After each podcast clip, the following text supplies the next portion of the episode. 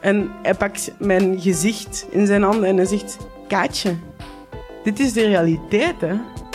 Hey, ik ben Pieter van Relaas. In Relaas hoor je waar gebeurde verhalen en die worden live voor een publiek verteld door de mensen die ze zelf hebben meegemaakt. En blijkbaar, ze weten niet hoe dat, dat komt, maar sommige mensen ontdooien beter dan andere mensen. Luister naar Relaas. Je vindt ons terug op alle plaatsen waar je podcast kan beluisteren. De kip zal geen lawaai meer maken. Dit is De Lange Termijn, een wekelijkse podcast over investeren in aandelen, startups en crypto. Waarin Twan en Jasper jou bijpraten over alles wat er in de markt is gebeurd, hun beste ideeën en hun grootste fouten. Dit is geen financieel advies. Doe dus altijd zelf je eigen onderzoek. En voor inzicht in ons portfolio ga naar delangetermijn.nl. Twan, je hebt een eh, lekker bruin kopje. Huh? Ja? Ja, heb je in de zon gelegen? Ja, ja, plantsoenendienst. plantsoenendienst. Kan nog een taakstraf. Oh jee. Nee, lekker in de zon gezeten, ja. Ja, jij ook toch niet? Ja, ik was even een weekendje naar de Ardennen. Oh, lekker. Met vrienden van me. Ik heb wel moeten uitleggen hoe het met mij in de beleggingsstrategie gaat. Ja? En eh, toen ze hoorden dat min 60% staat, ik kreeg wel een paar rare blikken. Ja, laat maar. Van ja, praten we wel over iets anders. Over wat- whisky. Ja, daar- over, nou, over whisky gesproken, die hebben we daar ook gehad. Maar je hebt weer een, eh, een nieuw flesje bij je. Ja, het is wel een, eh, een, een simpele whisky voor simpele jongens. Ah, pas bij ons. Pas bij ons, zeker in deze fase. Ja, Bescheiden. Glen Grant, eh, single malt weer. lekker. Je hebt alleen maar single malts, geloof ik. Ja, ik heb echt alleen maar single malts, ja. Maar eh, ik hoop dat hij lekker is. Ik heb hem nog nooit gedronken. Maar de, volgens mij is het een van de... Ja, je hebt echt zo'n serie whiskies die gewoon allemaal een beetje in dezelfde categorie zitten. En eh, ja, ik weet niet of sommige mensen ermee mixen, maar De Glen Grant. Ik vind het wel lekker. ja, hij is wel lekker, ja. Ook gewoon zo'n lekkere huiswhisky. Ja, hij is niet zo zwaar als de meeste roken die we vaak in de aflevering hebben ook. Dus dat is een goed teken. Dat betekent dat we ook lekker scherp kunnen zijn in deze aflevering. Let's go. Want eh, wat gaan we allemaal bespreken vandaag? Ehm, nou, we hebben eigenlijk een, eh, een klein beetje een andere aflevering. We gaan eerst natuurlijk even door de portfolio's heen. Ja.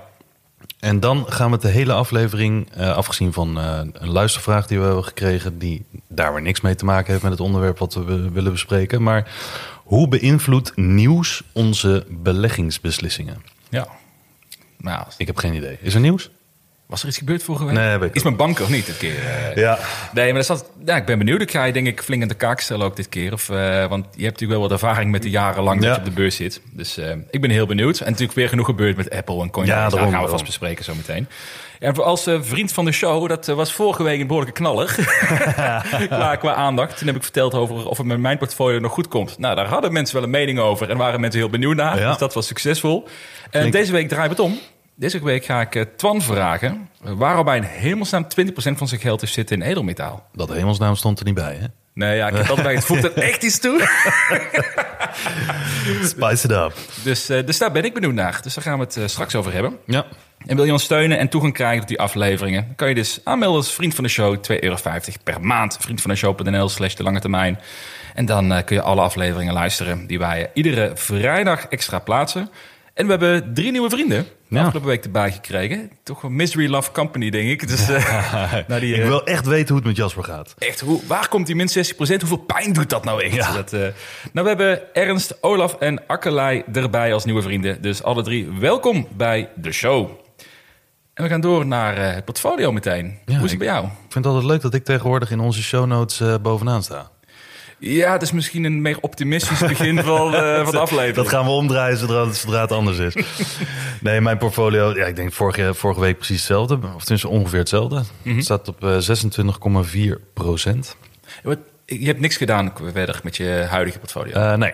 nee, niet met mijn kernportfolio. Nee. Ik zag wel een tweet langskomen over je eh, trading portfolio, toch? Hoe dat gaat ten opzichte van je passievere. Mhm. Ja. Hoe gaat dat?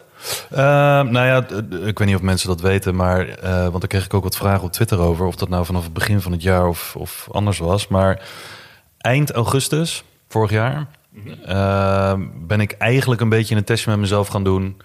Eh, passief beleggen versus actief beleggen. Ik heb gewoon een, een cashbedrag beschikbaar gesteld, want ik had een hoop cash, nu nog steeds trouwens, maar een, een cashbedrag beschikbaar gesteld. Passief gaan beleggen in eh, de Nasdaq ETF, dus de EQQQ eh, bij Bux.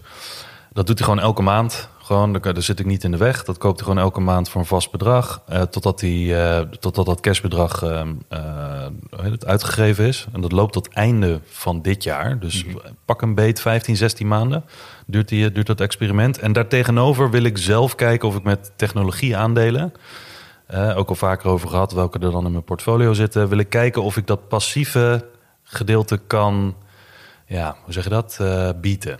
Dus Ja, of ik, of ja. ik beter, dat, eh, beter kan traden dan dat het passief gaat. En het grappige is tot nu toe altijd, behalve de eerste twee maanden eigenlijk dat ik het deed, dus dat waren eh, september en oktober vorig jaar, ehm, deed mijn actief gedeelte het altijd beter. Want, hè, de markt daalde en er was niet zo heel veel passief te winnen en dergelijke. Je legde eigenlijk in en het daalde gelijk weer. En met actief kan je er dan wat meer mee doen. Maar vorige maand, het zijn- de actieve gedeelte staan nog steeds beter. Volgens mij iets van 13%. En eh, passieve gedeelte staat op 9%. Sinds dus eind augustus vorig jaar. Ehm, maar het, het passieve gedeelte begint wel de boel in te halen. En dat is dus heel opvallend. In een stijgende markt die nog steeds best wel onzeker is zoals dit... merk ik, waar we het ook vaker over hebben... die koersen lijken zo snel opgelopen... dat ik actief gezien, dus met dat traden... eh, of nou ja, semi-traden, want ik ben geen trader... eh, zullen mensen het echt veel beter doen dan ik. Maar ik durf dan niet meer in te stappen. Want ik denk, ah, dat is al zo hoog. Ja, ja, ja, Weet je wel, eh, RSI staat hoog, het is zwaar overbought. eh, wat moet ik hiermee? Ik ga hier niet in deze val trappen. Maar dat passieve gedeelte, ja hoor, hop, koopt gewoon, niks aan de hand. En het blijft gewoon stijgen. Ja, en dan Ja, in ja, mei heeft dat echt een gigantische inhaalslag gemaakt, dat passieve gedeelte. Dus ja, stay invested in a market blijkt dan in zo'n maand goed te werken. Ja, toch bijzonder dat het toch continu weer bewijst Ja. eigenlijk. hè. Gewoon Ja. blijven inleggen en niet te veel kijken naar de koersen. Ja, en, en als je eh, dat er tegenover zet, hoeveel ik ervoor moet doen voor dat actieve gedeelte. Ja, ja. En het is misschien 4% verschil in rendement tot nu toe, sinds augustus. Ja, dan is dat al het, alle tijd en moeite waard. Ja. Ja. moeilijk te zeggen, maar ik, ik doe tot eind van het jaar... en dan kijk ik eh, of dat echt het waard is geweest met het actieve gedeelte. Nou, ik denk alleen als je het echt leuk vindt. Anders heeft het inderdaad weinig, zin als je dit Ja, dat ziet. is niet altijd leuk. Nee, nou ja, ik heb eh, zelf een paar dingetjes ben ik mee bezig in de portfolio. Dus ik heb nu, eh Desktop Metal was mijn grootste positie. Die ben ik iets aan het afbouwen. Dat ze een fusie met Stratasys hebben, waar ik eh, niet 100% enthousiast over ben ook. Dus dat eh langs een beetje afbouwen. Wel een plukje Coinbase bijgekocht. Daar gaan we het natuurlijk zo meteen nog over hebben waarschijnlijk. Over input back voor nieuws. Maar ik kan het niet laten. Ik denk echt dat het zwaar overtroffen is. Maar daar gaan we het zo Ja. over hebben. En maar het misschien meest bijzondere. Ik heb nu dus 10% cashpositie in mijn portfolio.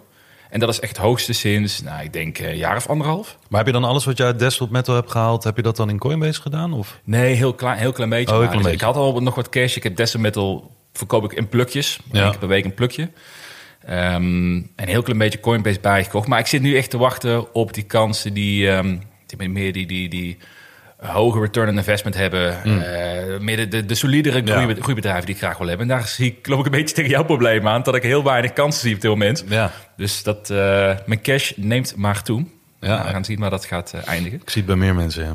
Ja, portfolio wel op 7,4% Dus we zijn langzaam Nou. weer een stijntje aan het maken. We gaan weer de goede kant op. Geef me nog een eh, maand of 37 en ik ben boven, eh, ik ben weer boven water. Dat, dat is lange termijn. Ja. Over de lange termijn gesproken, dat gaat pas bizar goed, hè? Ja. lange termijn portfolio. Die heeft een ommezwaai gemaakt van, eh, wat is het, min 8% naar eh, plus 21%. Ja, Dus eh, In een maand in maand, ja. Ik wou zeggen, dat is op tijd van een paar jaar is dat niet zo, eh, zo bijzonder. Maar op tijd van een maand. Ja, ik bedoel, mei was gewoon een hele goede maand voor heel veel dingen. Ja. En eh, behalve voor de mensen die aan de zijlijn wachten... omdat ze niet konden geloven dat alles zo aan het doorstijgen was. Want ja, ik bedoel, dan doet het best pijn, denk ik. ja. Maar eh, ja, dat portfolio is in die zin dan ook natuurlijk volledig belegd. Er staat geen eh, cash in. Ik las trouwens vandaag, ik heb het niet verder goed gelezen... maar dat dit de langste bear market rally is sinds x-tijden. Nou ja, Ik weet niet waarop dit mooie een bear market is en zo. Maar ja, Ja. Het, eh, het, het zegt misschien wel iets. Maar goed. we breken record na record. ja, komt wel goed. Vind ik wel mooi. Maar dat gaat wel lekker met... weet je nog welke drie beste presteren? Zijn waarschijnlijk de chippies weer dan. Ja, nog steeds. Nvidia, eh Bezi en eh, AMD. Ah ja, ja. Ja. En eh, Tesla staat volgens mij net daarachter. Dus die doet het ook lekker. Maar, en we hebben weer ingelegd, eh, 100 euro, wat we elke maand doen. Ook weer verdeeld over die 23 namen. Eind deze maand ehm, gaan we weer stemmen. En Welke eh, twee namen eruit vallen van de vier hekkensluiters. Volgens mij, ik heb niet gekeken, maar als het nog steeds hetzelfde is... dan is het volgens mij nog steeds Flow Traders, Fiverr, MP Materials en Block. Ah ja. mijn favoriete Ja, blok. ja, ja. Dus, eh, maar dat gaan we aan het eind van de maand zien. En dan kan er ook weer gestemd worden om eentje erin te, te krijgen. Het doet beter tot nu toe dan die ChatGPT-portfolio. Heb je dat dat- nee, dat meegekregen? hebben we niet meegekregen, nee. Nou, die, er is op, op Twitter is een account gestart. Die heeft eh, Ja. beslissingen gemaakt die alleen maar op basis van eh, wat ChatGPT besluit. De ChatGPT heeft het portfolio samengesteld. Daar kun je dan mee in meetreden. Ja. En dat stond nu op volgens mij plus 1,6 procent. Ze hadden er 50.000 in gedaan, toch? Of zo? Ja, klopt. klopt. Ja. En dan kun je er ook mee in investeren. Dat is een heel cool sociaal experiment Ja. eigenlijk. Volgens mij nu in een maand 1,6 procent. Dus Ja. eh, tot nu toe zijn onze luisteraars slimmer dan ChatGPT. Misschien is dat de conclusie. Ja, ik weet, niet, ik weet niet of dat portfolio natuurlijk steeds slimmer wordt. En of het eerst even, bij wijze van spreken, even op moet warmen. Ik heb geen idee hoe dat werkt. Maar ik vind het een. Ik, vind het, ik heb daar toen ook over getweet. Ik wist niet hoe ver het er nu mee stond met het eh, rendement. Maar ik vind het wel interessante experimenten. Stel dat je daar, als je eraan mee wil doen, 100 euro in wil stoppen of zo. Maar ik zag ook alweer comments van mensen die hadden daar echt heel veel geld in gestopt. ja. Omdat ze dachten, ja, eh, AI kan het beter dan ik. Maar ja, we staan nog aan de vooravond van al die dingen. Dus ik heb geen idee eh, of dat verstandig is. Ja, de nieuwe hype is weer geboren. Als je Ja. denkt dat nu misschien in- meteen Ja. impact maakt. Ook leuk over AI. Hadden we samen over. Hmm. Het eh, filmpje. Ja, wat leuk is, weet ik niet. Ja, nou ja, maar je, hebt er best wel veel over getweet, toch? Het ging een filmpje, als een, een interview van Diary of a CEO podcast. En er was iemand van oud Google. Ja. engineer of, of, of, of operating iemand. Ja, die- volgens mij was het een, eh, een oud eh, director Mhm. van eh, Google X Ventures. Ja, het is, ik eh, plak allemaal namen aan elkaar, maar ehm, in ieder geval een hoge pief. Eh, die echt aan het voorfront stond van de hele AI-development. Hij vertelde ook eh, in dat interview hoe zij dingen deden met het trainen van robots bijvoorbeeld. Door het gewoon een miljoen keer iets te laten doen, een balletje beter laten pakken. En elke keer ging dat mis. En eh, by chance, dus eh, bij toeval, loopt hij een keer langs. Heeft die robot dat balletje gepakt? Denkt hij, huh, hoe kan dit nou weer? Nou, was gewoon geluk. Maar de software had het opgepikt, had het vertaald naar alle andere robots. En ineens konden alle robots het. Zo, ja. En hij vertelde dat, want daar gaat die hele video over, dat hele interview. Hij zegt eigenlijk best wel alarmerend, vond ik. Zonder dat hij er heel doomsday over was. Want heel veel mensen denken van, joh, alarm, dat betekent van, dat is allemaal slecht. Maar hij vergeleek hoe ver we nu zijn met AI eh, met een spelletje Tetris. Ah, ja. Hij zegt, iedereen heeft wel een keertje Tetris gespeeld. Tenminste, onze generaties. Ehm, en dan komt er zo'n moment dat je, eh, als je lekker bezig bent... dan plaats je één blokje verkeerd. En dan denk je, ah shit. En vanaf dan ben je eigenlijk alleen maar in een soort foute oplossingsmodus... want het komt nooit meer goed. En dan duurt het nog een paar minuten en dan ben je gewoon game over. Dat ene blokje wat je verkeerd plaatst... Daar, je kan dat niet herstellen. En vanaf dan gaat het dus mis. Of kan het misgaan, heeft een grote kans om mis te gaan. En hij zegt dat we dat moment al hebben gehad met AI. Want hij zegt dat blokje wat we verkeerd hebben geplaatst in de Tetris-versie... is dat we AI toegang hebben gegeven tot internet. ja. Ehm, dat we het hebben geleerd hoe ze moet programmeren. Eh, ze, alsof het, alsof het, alsof het mensen zijn. Ja. Eh, dat, dat we AI hebben geleerd om te programmeren. En dat we AI hebben geleerd om zichzelf te trainen. Door meerdere agents, dus hè, dat zijn andere AI-softwareprogramma's, elkaar vragen te stellen en te verbeteren en te controleren en dat soort dingen. Dus hij zegt, dat moment hebben we al gehad. En hij zei, dat wordt versterkt doordat niemand kan stoppen. Geen enkel bedrijf kan stoppen met het ontwikkelen van AI. Waarom? Omdat dan iemand anders ermee doorgaat. Ja. Weet je wel, die hele brief die er is gekomen van Elon Musk en nog een paar anderen... van joh, laten we het een half jaar pauzeren. Ehm, hij zegt, ja, dat hadden we moeten doen. Maar dan waren ze in China vrolijk doorgegaan. Exact. Heeft helemaal geen enkele impact. Moet je massaal met z'n allen besluiten. Ja. Dat gebeurt op geen enkel onderwerp. Ja, en de meeste van die bedrijven, zoals Microsoft en zo, die zijn allemaal beursgenoteerd. Dus als zij daar dan bijvoorbeeld een pauze op zetten en een ander bedrijf, zoals eh, nou, noem maar iets, Chinees bedrijf, Baidu of zo, Ja. die, die gaat er vrolijk mee door. Ja, dan zeggen aandeelhouders op een gegeven moment van, ja, ho is, dit gaat ten koste van de winstgevendheid en van de toekomst. Eh, ja, dit gaat niet goed. Ja. Dus ze kunnen niet stoppen met deze arms race. En dat is wel het interessante. Maar zijn waarschuwing was... Volgens mij zegt de thumbnail... en daar werd ik heel erg door aangegrepen van... eh, weet ik veel, breng geen kinderen in deze wereld of zo. Mhm. En eh, zijn zoon is overleden. En eh, de vraag was ook, zou je je zoon terugbrengen? Onder deze omstandigheden. En toen zei hij nee. Ja. Vond ik best wel heftig. Best wel bizar ja, uitspraak, hoor, Heel, heel Ja. bizar. Ja. Dus hij zegt, nou ja, dat is iets om in de gaten te blijven houden. Het is niet allemaal alleen maar productiviteitswinst en dat soort dingen. Dus het is, Mhm. het is wel echt een serieus eh, ja, Pandora's box die we hebben geopend. Ja, het is wel een ding een heel tof interview als je dit een interessant onderwerp vindt. Ja. Volgens mij anderhalf uur geloof ik zal het Ja. zijn. Maar echt de moeite waard. Ja, is, ik zal hem nog even retweeten op, eh, op Twitter voor de mensen die hem niet gezien hebben. Ja, ik zal hem ook even in de show notes zetten van Ja. deze aflevering. Dus eh, Diary of a CEO heet de podcast. En dat is een eh, recente aflevering over AI. Dat zie je meteen in de lijst staan. Dus dat is een, nou wil zeggen, een, een leuke aftrap voor deze podcast. Maar het is meteen de wereld gaat eraan. Lekker dit.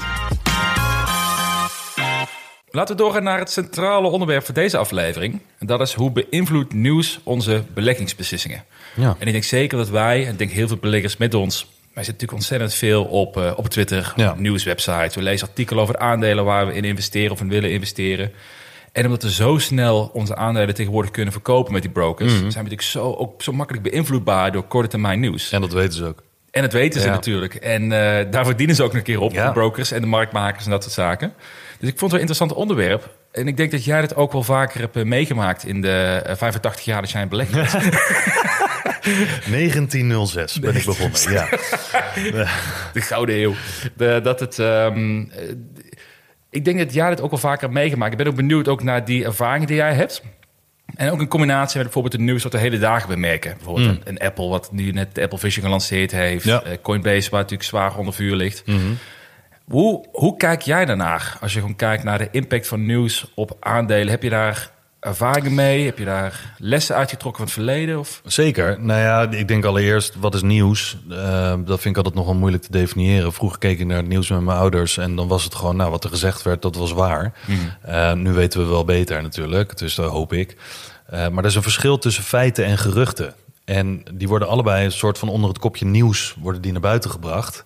En als je niet kan onderscheiden wat feiten zijn en wat geruchten zijn, dan, eh, en zeker in beleggen, maar ook voor andere dingen natuurlijk in je leven, dan denk ik dat het belangrijk is om te realiseren dat je hebt twee systemen waarop mensen geprikkeld worden. Eén is het primaire systeem. Dat is je eh, vlucht, vecht of bevriesreactie. Dat als er een bus op je afkomt bijvoorbeeld, dan moet je wel springen. Ehm, vechten tegen een bus heeft niet zoveel Vechten tegen een bus heeft weinig zin. Ehm, ja, misschien tegen een cavia die je aanvalt of zo, geen idee. Maar ehm, dat is het primaire systeem. En daar worden al die berichten worden daarop ingericht. Hè? Ook mensen die op Twitter zitten, die willen zoveel mogelijk eyeballs krijgen. Dus dat, dat is vo- volledig getarget op je primaire systeem, op, je, op je emotionele systeem. Maar er is ook nog een secundair systeem. En dat is zodra het voorbij het emotionele systeem komt. Want het kan niet om je emotio- emotionele systeem, dus je reptiele brein, kan het niet heen. Dan pas komt het bij je rationele systeem. En dan pas kan je analytisch gaan kijken, wat is hier nou echt van waar? En als het waar is, hoeveel tijd kost dat dan voordat het hè, eh, tot, tot uiting gaat komen? En wat voor invloed heeft het dan op mijn beleggingen of op mijn leven of wat dan ook? Ehm, en wat mij heeft geleerd in de afgelopen 17 jaar beleggen, is dat ik nog steeds gevoelig ben voor nieuws. En simpel om de reden dat ik niet om dat primaire systeem heen kan. Zo zijn we allemaal eh, ontworpen, om het zo maar te zeggen.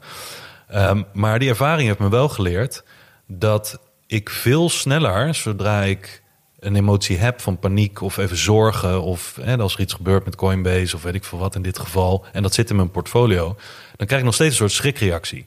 Maar dat appt heel snel weg. Omdat daarna gaat dat rationele systeem aan de slag. Omdat ik het al zoveel heb meegemaakt. Dus kennelijk heb ik dan al heel veel...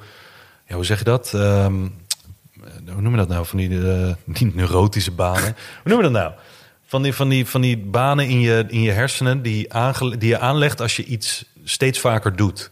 En dan wordt het versterkt. Dat is zoals een kind leert fietsen. Niet muscle memory, toch? Bedoel je? Nee, nee, nee. Het is echt je, je neuronen in je, eh, in je hersenen. De- dus de verbindingen tussen de synapsen. Ik weet niet meer precies. Ik ben even het woord kwijt. Maar in ieder geval, hoe vaker je iets meemaakt en hoe vaker je iets doet.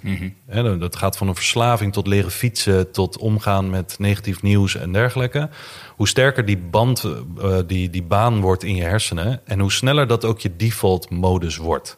Dus in plaats van dat je heel emotioneel gaat reageren en een actie onderneemt, schakelt het al heel snel over op iets dat het herkent van misschien al 80 keer hiervoor in de afgelopen jaren. Van ah, dat zal wel meevallen. Of nou, misschien valt het niet mee, maar dan ga ik eerst even kijken, want binnen een uur kan het toch niet de hele wereld naar de, naar de verdoemenis gaan. Maar hoe heb je dat dan? Misschien heb je wel daarmee in het verleden eh, misschien wel een keer meegemaakt hoe je daar te snel op reageerde op nieuws. Dat voor iets heel groots kwam. Dat jij dacht, holy shit, ik moet gewoon alle aandelen verkopen of iets dergelijks. Heb je zoiets meegemaakt? Ja, vaker. Hoe ging dat? nou ja, dan zag ik zo'n bericht en dat was meestal met de dingen waar ik niet echt in geloofde. Of niet, nou ja, wel in geloofde, maar heel veel hoop op had gevestigd. En ik denk hoe groter de hoop was die ik op iets had gevestigd... van dit moet me echt rijk maken, of dit moet slagen... of het staat al zoveel onder water, dit moet goed komen... dan ging ik hele andere analyses maken over hetgeen wat net was gebeurd... en waar ik een soort paniekreactie mee had. Ehm, maar wat, het, wat, wat, dan, wat ik dan ging doen, was zoeken naar redenen die bevestigden wat ik al dacht. Hè, confirmation bias. En daar vind je genoeg van. Je vindt net zoveel redenen om het wel te doen als om het niet te doen. Je vindt net zoveel geruchten als feiten, bij wijze van spreken. Hangt vanaf waar je kijkt. Maar je kan ze allemaal vinden in grote getalen. Dus wat ik dan vaak deed, was ik zat, ik schrok. Ik dacht, ja, is het nou waar? Ja, maar wat als het, wat als het waar is? Wat als dit dus de waarheid is, wat hier wordt gezegd? En dat betekent dus dat er met zekerheid gezegd kan worden dat het rampzalig is voor, voor mijn portfolio. Dat versterkte zo erg dat ik op zoek ging naar berichten op de dag dat dat andere bericht uitkwam. En wat je dan ziet, zijn berichten die alleen maar dat paniekerige nieuws herhalen. Er is nog niemand die er volledig ingedoken is om een analyse te maken. Hè? Net zoals bijvoorbeeld met, die, met dat short report van Hindenburg. Ja, voordat Van je, Blok bedoel je? Van Blok. Ja. Voordat je daar doorheen bent, ben je een paar uur verder. Ja, als jij in de, in de twee uur nadat dat rapport naar buiten komt en de koers stort in, als je dan op zoek gaat naar informatie erover, dan vind je alleen maar sensationeel nieuws. Dat vind, vind ik mooi voor degenen die dat misschien nog wat minder hebben meegekregen. Ja. Maar was een paar weken geleden, denk ik, een paar maanden geleden inmiddels. Toen kwam Hindenburg, ook een eh, best wel bekend onderzoeksbureau slash eh, shortseller eigenlijk. Ja. Die eh, kwam met een rapport over Blok. Dat ze, dat ze veel minder transacties hadden gemaakt. fake Dat- accounts. Fake accounts, dat soort zaken. En toen ging Blok, volgens mij die dag op min 20% of iets dergelijks. Ja. En jij hebt natuurlijk Blok in je portfolio. Ja.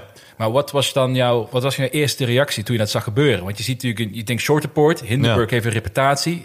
Dan denk je toch van, oh, je, komt, je kan niet binnen een uur het lezen, het begrijpen. Dus wat doe je dan? Nou ja, de, de- ik ben het gewoon letterlijk gaan lezen. Voordat je een beslissing maakte? Of- Ja. Oké. Nou, ik ben letterlijk gaan lezen, want ja, voor hetzelfde geld is het helemaal waar. Mhm. De- Sowieso een beetje zo'n houding van, oh, dit is helemaal waar of dit is helemaal niet waar. Je, je hebt geen idee, want er zijn wel mensen die hier heel veel tijd in hebben gestopt. En dat doen ze niet zomaar.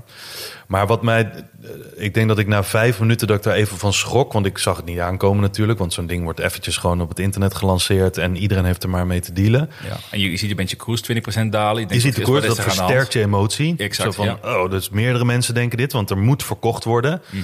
Ehm, en wat ik toen gewoon dacht is, nou, ik heb dit al zo vaak meegemaakt, dat achteraf gezien ehm, bleek dat je altijd drie dingen kon doen: vasthouden, verkopen of bijkopen. Mhm. In dit geval. Want mensen die bijkopen, die zijn heel zeker, of die gokken vaak ook, want die hebben het dan niet gelezen, maar die zeggen dan op, op basis van dat nieuws. Zo, 20%. Wat als dit gewoon onzin is? Ja. Dan schiet die koers weer omhoog. Kan ik even een mooie, mooie winstje maken. Ehm, er zijn mensen die het vasthouden. Die gewoon niks doen. Want die zeggen van ja, ik ben niet slim genoeg om dit te begrijpen. Of dit heeft gewoon tijd nodig voordat er mensen naar gekeken hebben. En ik daarover kan lezen van wat nou echt het verhaal is. Of je verkoopt. Omdat je al nattigheid voelde. En dit bevestigt dat. Of omdat je gewoon in paniek bent. En denkt van ja, ik kan niet nog meer eh, verlies gebruiken. Ehm, maar toen ik dat zag, toen ben ik gewoon eerst het gaan lezen. Dus eigenlijk heb ik niks gedaan. Ik ben gaan lezen. En ik had het al vrij snel gelezen, want die luxe heb ik. Dat ik gewoon even snel de tijd kan nemen om dat te doen. Eh, en toen heb ik bijgekocht. Ja. En nu staat hij eh, volgens mij weer een stukje hoger, toch ook? Nou, het staat wel eh, ietsje zo, volgens mij 10% hoger of zo, weet ik veel wat. Dat is natuurlijk wel meteen resultaat denken. Dus dan maak ik zelf een eeuwenoude fout met die vraag eigenlijk. Ja. Maar, maar ik vind, wat, ik dus, wat mij dus moeilijk lijkt in de rol wat je, wat je nu beschrijft, die situatie, is je moet en de tijd vinden om het zelf te willen lezen. Maar je hebt Ja. natuurlijk meteen op je achterhoofd heb je het gevoel dat iedere minuut dat je geen actie onderneemt en je ziet de koers maar dalen, dat heeft natuurlijk steeds meer impact op die primaire reactie Ja. waar je net over hebt. Ja. Maar hoe onderscheid je dan, hoe doe jij dat? Hoe onderscheid je dan het nieuws wat je serieus moet nemen? Mhm. Zoals bijvoorbeeld een short report dat je echt even doorheen moet. Want wat je zegt, het is waarschijnlijk op iets gebaseerd, Ja. zou je denken. Ehm, hoe onderscheid je dat van bijvoorbeeld nieuws die wat minder solide is? Want er zijn zoveel meningen over aandelen, zoveel rapporten over, ja, maar dit, bijvoorbeeld Coinbase is 15 euro waard of 15 Ja. dollar waard. Ja. Hoe, onderscheid je dat? Nou ja, ik denk dat net zoals jij, kijk, je hebt, jij bent volledig geïnvesteerd in ehm, of belegd in individuele aandelen. Dat zijn allemaal bedrijven. Daar heb je onderzoek naar gedaan. Dus je weet eigenlijk al een beetje van de hoed en de rand. Hè, de, de, de basis 90% Afgezien van de dingen die jij niet kan weten, zoals insider dingen bijvoorbeeld, of aankondigingen die, aankondigingen die nog niet zijn geweest, onderzoeken die nog niet zijn geweest. Maar eigenlijk heb je al een solide basis van, nou, daarom wil ik in dit bedrijf investeren. Dus als zoiets uitkomt, heb je al heel veel van die touchpoints in je hoofd van, hé, maar wacht even, hoezo zeggen ze dit? Want eh, hè, de- op basis van het onderzoek wat ik heb gedaan voordat ik in dat eh, aandeel stapte en al die jaarverslagen of al die kwartaal-earnings en zo die ik heb gekeken of geluisterd of, of gelezen, dat, dat matcht niet. Dus dan, dan wordt dan in zo'n geval met die individuele eh, aandelen en ook met Bitcoin en Ethereum, daar heb ik al heel veel onderzoek naar gedaan. Dus ik ben dan niet zomaar van mijn stuk geslagen. Hè? Want bedoel, ja, het moet wel echt matchen met wat ik toen al dacht. Of eh, eh, ik moet al nattigheid gevoeld hebben en denk van, ah ja, weet je, 90% klopt aan dit bedrijf, maar die 10%, ik hoop niet dat het ooit uit gaat komen. Nou, als precies zo'n rapport over die 10% gaat, ja, dan wordt het een ander verhaal. Hoe heb, je dat, hoe heb je dat dan nu dan gemerkt van een soort Coinbase? Dus ik denk een hele concrete op wat jij nu, nu noemt. Want dat is, ik denk dat we allebei wel een beetje nattigheid voelen over regulering. Ja. Wat crypto kan doen ook. Er kwam, Ja. Dus afgelopen week kwam uit dat de SEC een aanklacht heeft ingediend tegen Coinbase. Omdat het geen securities zijn die ze Ja. handelen. Of nou, in ieder geval, dat, eh, dat gaat echt nog wel impact hebben waarschijnlijk op de markt. Dan is misschien zo'n nieuwsvoorbeeld waarbij jij ook denkt van dat, daar zit misschien wel wat nattigheid. Daar zit wat in. Ja. Coinbase gaat mij twee dagen tijd 20% onder. Ja. Hoe, dat, is, dat is best wel concreet nieuws die wel misschien correct is. Hoe ga je daarmee om? Nou ja, kijk, het nieuws kan correct zijn, maar ehm, in die zin. Het voorbeeldje Coinbase, en dit zal met heel veel andere bedrijven zijn. We hadden laatst nog een gevalletje met eh, 3M. Weet je wel, dat is een favoriet bij dividendbeleggers. Oh ja. Ehm, eh, die heeft ook een hele rechtszaak waar ze mee bezig zijn over nou ja, van allerlei milieukwesties en, eh, en, en persoonlijke situaties. Dat, is een, dat zijn hele dure dingen. Ongeacht of ehm, de aanklager bijvoorbeeld gelijk krijgt, eh, zoals in dit geval met Coinbase de SEC, de Security and Exchange Commission, die erover gaat. Als zij gelijk hebben, ehm, ja, dan is het heel nadelig. Maar als ze ongelijk hebben, dan nog steeds kan het nadelig zijn voor de koers. Want dit gaat heel veel advocaten kosten, dit gaat heel veel tijd kosten, heel veel onzekerheid gaat het met zich meebrengen. Misschien worden er in de tussentijd worden er be- bepaalde coins worden gedelist van Coinbase, omdat ze zichzelf daar niet nog meer mee in de voet willen schieten. Ehm, dat gaat allemaal ten koste van je winstgevendheid. Want hè, al die mensen bijvoorbeeld, zoals Brian Armstrong in dit geval, de CEO, ja, die zal zich daar ook volledig op moeten focussen. Dus dit is een. En als die wint, mooi voorbeeld, mooi visitekaartje, trekt de hele industrie waarschijnlijk mee omhoog. Is er eindelijk duidelijkheid. Maar totdat het zover is, kan het nog wel jaren duren. En dat is niet heel positief voor een bedrijf als Coinbase, voor, voor welk bedrijf dan ook. En dan denk ik wel van ja, oké, ik geloof in crypto, ik geloof in Coinbase en ik geloof ook dat het verhaal van de SEC best wel shady is, omdat Coinbase, zoals we vaak hebben gezegd, en want dit hebben ze ook met Binance gedaan, twee dagen geleden, Ja. voordat Coinbase aangeklaagd was. Ehm, maar Binance is geen publiek eh, genoteerd bedrijf, is geen beursgenoteerd bedrijf. Coinbase wel. Coinbase is in 2021 naar de beurs gegaan. En de SEC heeft het erover dat in, sinds 2019 Coinbase aan illegale activi- activiteiten bezig is. Maar in 2021 zijn ze naar de beurs gegaan. En dan Ja. moet je zoveel papierwerk voor doen. Ook naar, de SEC heeft dat goedgekeurd. Van ja, nee, doe inderdaad maar gewoon een beursgang. En dan kunnen dus ook eh, mama, papa en tante en ooms en zo kunnen allemaal investeren. Allemaal beleggen in Coinbase. En als de SEC zegt, ja, wij zijn er voor de bescherming van, Ja, de, ja, van de beleggers. Dan ben je natuurlijk de beleggers niet echt aan het beschermen als je een illegaal opererend bedrijf goedkeurt om beursgenoteerd te worden. Iedereen mag erin investeren. En dan twee jaar later kom je ineens met, oh, oh, oh. Al voor die beursgang was je met illegale activiteiten bezig. Daar komen we nu even mee. Dus ik vind dat verhaal. Kijk, en dit bedoel ik met. Als je ergens al lang in zit, dan begin je vanzelf een beetje die rode draad door dat verhaal te zien. En wil niet zeggen dat je dan gelijk hebt, maar je hebt sneller ongelijk. Ja. Je, je bent sneller geneigd om het eventjes te laten bezinken, omdat je genoeg vertrouwen hebt dat dit, in de, dat, dat dit niet binnen een week een drama hoeft te zijn. Dus dan kan je er zelf even wat meer in duiken. Of ehm, je hebt gewoon het gevoel van eh, 80% klopt, 20% niet. Ja, kan dit nadelig zijn voor de koers? Ja. Maar in dat geval kan je denken, uiteindelijk komt dit wel goed. Want je hebt het hele verhaal gevolgd, zoals wij in dit geval. Ik denk dat dit uiteindelijk wel goed komt. Maar ze zullen nog wel even een moeilijke periode tegemoet gaan. Is dat dan voordelig voor de koers? Nou, niet als je niet meer bij wil kopen.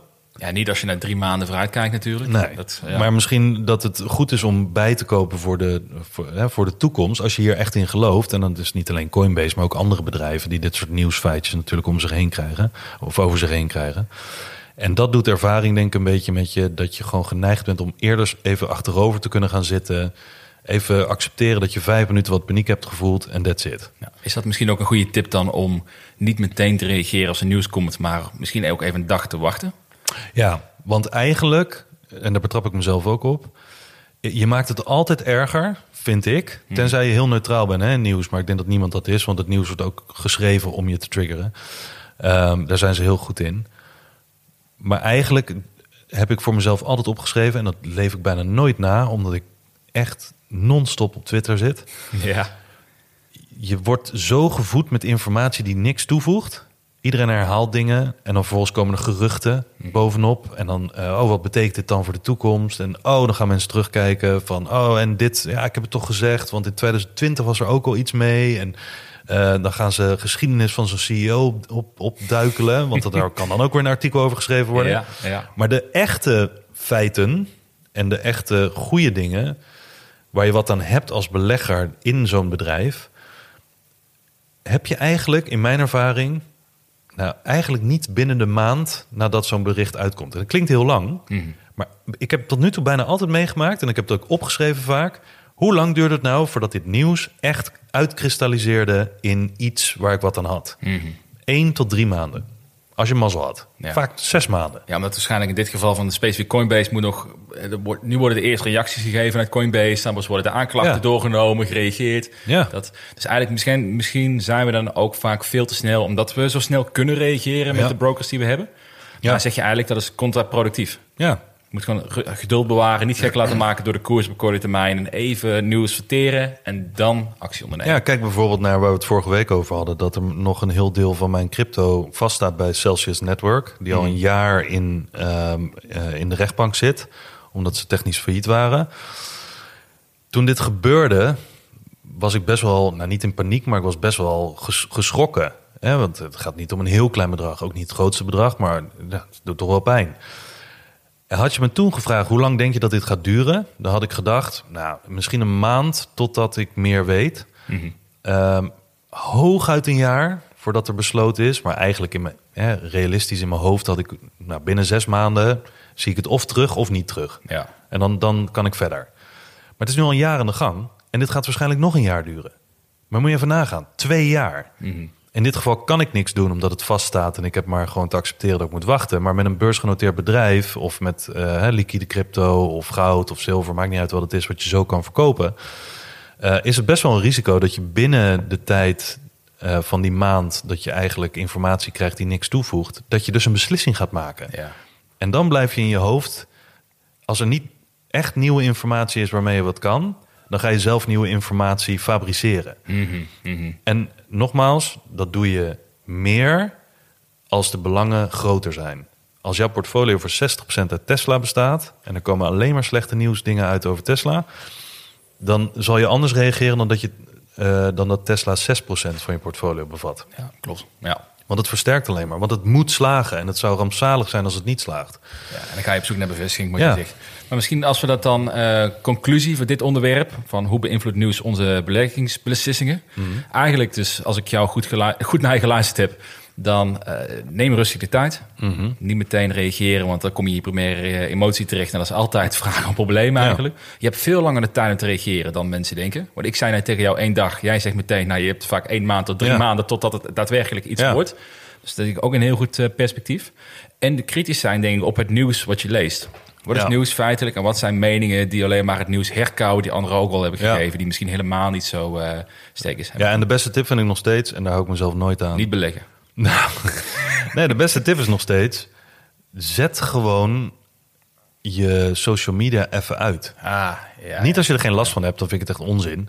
Maar als je, er, als je merkt dat je op zoek gaat naar die informatie en dat je echt steeds paniekeriger wordt of steeds meer behoefte hebt aan, aan duidelijkere berichten, Zet het even uit. Het gaat je niet brengen. Zeker niet in de, op het moment dat je zo paniekerig bent. Want dat is in de eerste paar dagen misschien.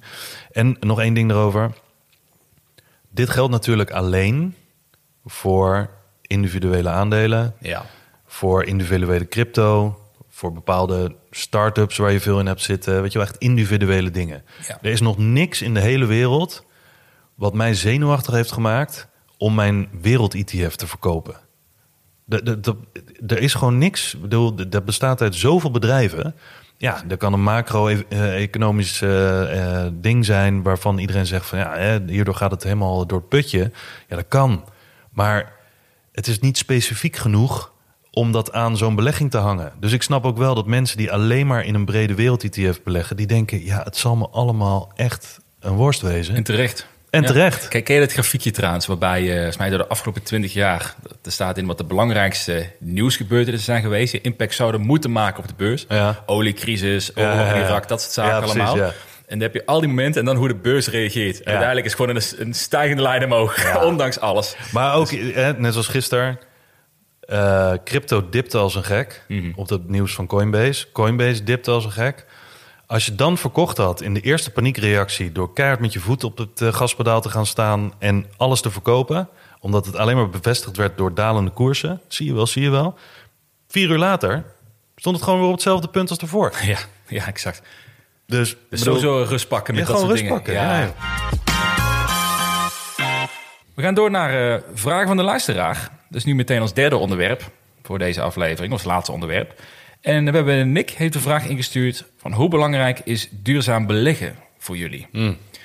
En daar hebben wij eens maar een keer heel kort over gehad. Ja. Voor ook vanuit de impact van ES, ESG op, Ja. eh, op beleggen daarin. Ehm, zal ik beginnen? Ja. Hoe belangrijk het, eh, dit, het is? Kijk, ik, ik, ik sta er altijd heel dubbel in. Of ik sta er dubbel in. En enerzijds denk ik dat het heel... eh, nou, niet eens mooi. Dit is helemaal niet eens of het mooi is eigenlijk in die zin. Ik denk dat het heel winstgevend kan zijn om te beleggen in ESG-bedrijven. Zeker in diegenen die meer in de opstartfase zitten. En de reden waarvoor is omdat zij vaak enorm gestimuleerd worden vanuit overheid, vanuit eh, voordelen met belastingen, om maar die stap te kunnen maken naar een, eh, een, een betere wereld. Ja. Dus iets waar iedereen nu mee bezig is. Ja. En als jij een start-up bent en je hebt bijvoorbeeld eh 300 miljoen heb je nodig om een fabriek te kunnen starten, om schaalbaar te kunnen produceren, dan ga je dat geld veel makkelijker krijgen dan dat je in, eh, een automaker bent en met, Ja. eh, met een dieselmotor, bij wijze van Ja. spreken. Of, een, of iets anders willekeurigs. Dus ik denk dat daar wel kansen liggen. Dat je daardoor meer eh, kansen krijgt om fouten te maken als je actief bent in die branche. Maar als je mij vraagt van, nou, is dat voor jullie essentieel om daarin te beleggen? Of zou je daarom nooit in Shell beleggen? Ik denk niet dat ik die keuze zo zou, eh, zou maken. Omdat, en het klinkt misschien heel zwart-wit gedacht, maar ik denk dat, in ieder geval in mijn persoonlijke ervaring, voor mij is beleggen doe ik om uiteindelijk op termijn geld mee te kunnen verdienen. En niet om de wereld beter te maken. Nee. Dat, doe je met andere, dat doe ik met andere dingen dan.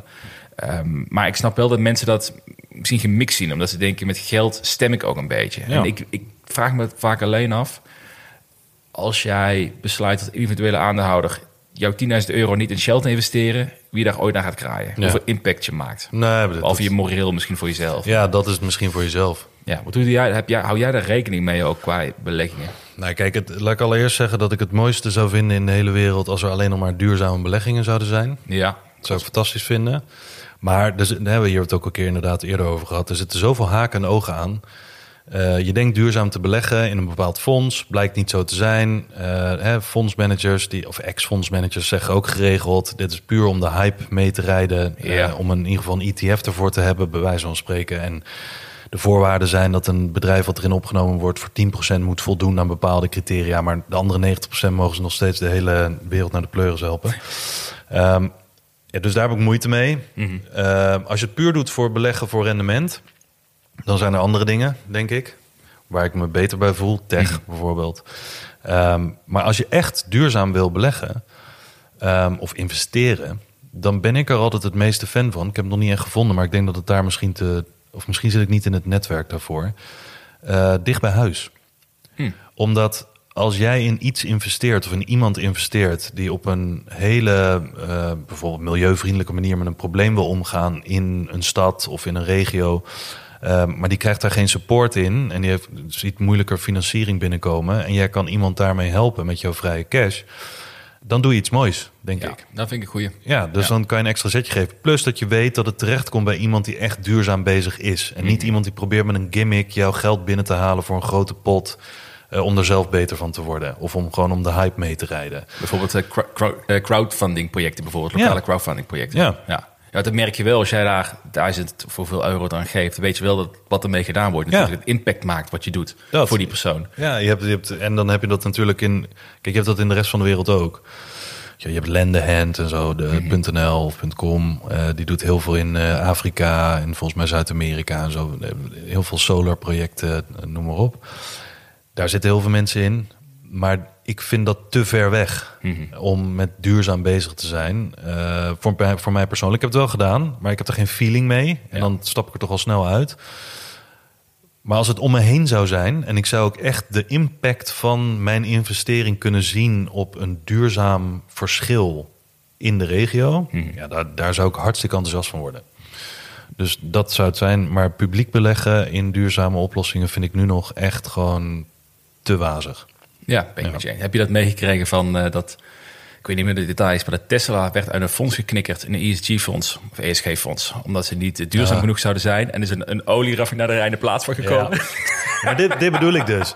Dit, dit, mooi. misschien is het ook hier te vroeg voor. Ja. Ehm, iedereen heeft de beste wil natuurlijk, maar er wordt ook een hoop mee geklooid. En eh, er moet er geld aan verdiend worden. Dus ja, die twee, twee dingen, mooie dingen voor de wereld en geld verdienen, dat gaat niet altijd samen. Nee, ik ben eens. Het is niet vaak de meest efficiënte manier om Nee. geld te maken als het duurzaam moet natuurlijk. Daarom. Dus eh, zijn we weer aan het einde gekomen, man. Ja, Dat was hem weer. nice. Moet Leuk. even, even een whiskietje bijschenken weer. En eh, ook heel duurzaam gebrouwen whisky, denk ik. We gaan verder met de aflevering van de Vriend van de Show. Ik ga eens kijken waarom Twan een, dus 20% van zijn geld in edelmetaal heeft zitten. Mhm. Het is een, eh, ik noem hem niks voor niks eh, de Golden Boy. Dus wat dat betreft eh, weten we daar wel over te praten zo meteen. En mocht je deze show leuk vinden, ja, dat moet ik wel nog zeggen trouwens. Dit is geen gratis podcast, hè? Wist je dat? Wat dan? Ja, je mag wel gratis luisteren, maar ik verwacht als je minimaal twee Ah. afleveringen geluisterd hebt, even liken. Dat is een kleine geven, moeite. Review achterlaten, help je ons mee, daar worden we heel blij van. En ja, hoe meer schouderklopjes we krijgen, des te leukere podcast we kunnen maken. Ja, we hebben honderden luisteraars. Vele honderden, honderden Ja. luisteraars. Maar we hebben, nou, volgens mij op Spotify 60 60. sterretjes. Ja, kunnen er meer worden. Kunnen er meer worden.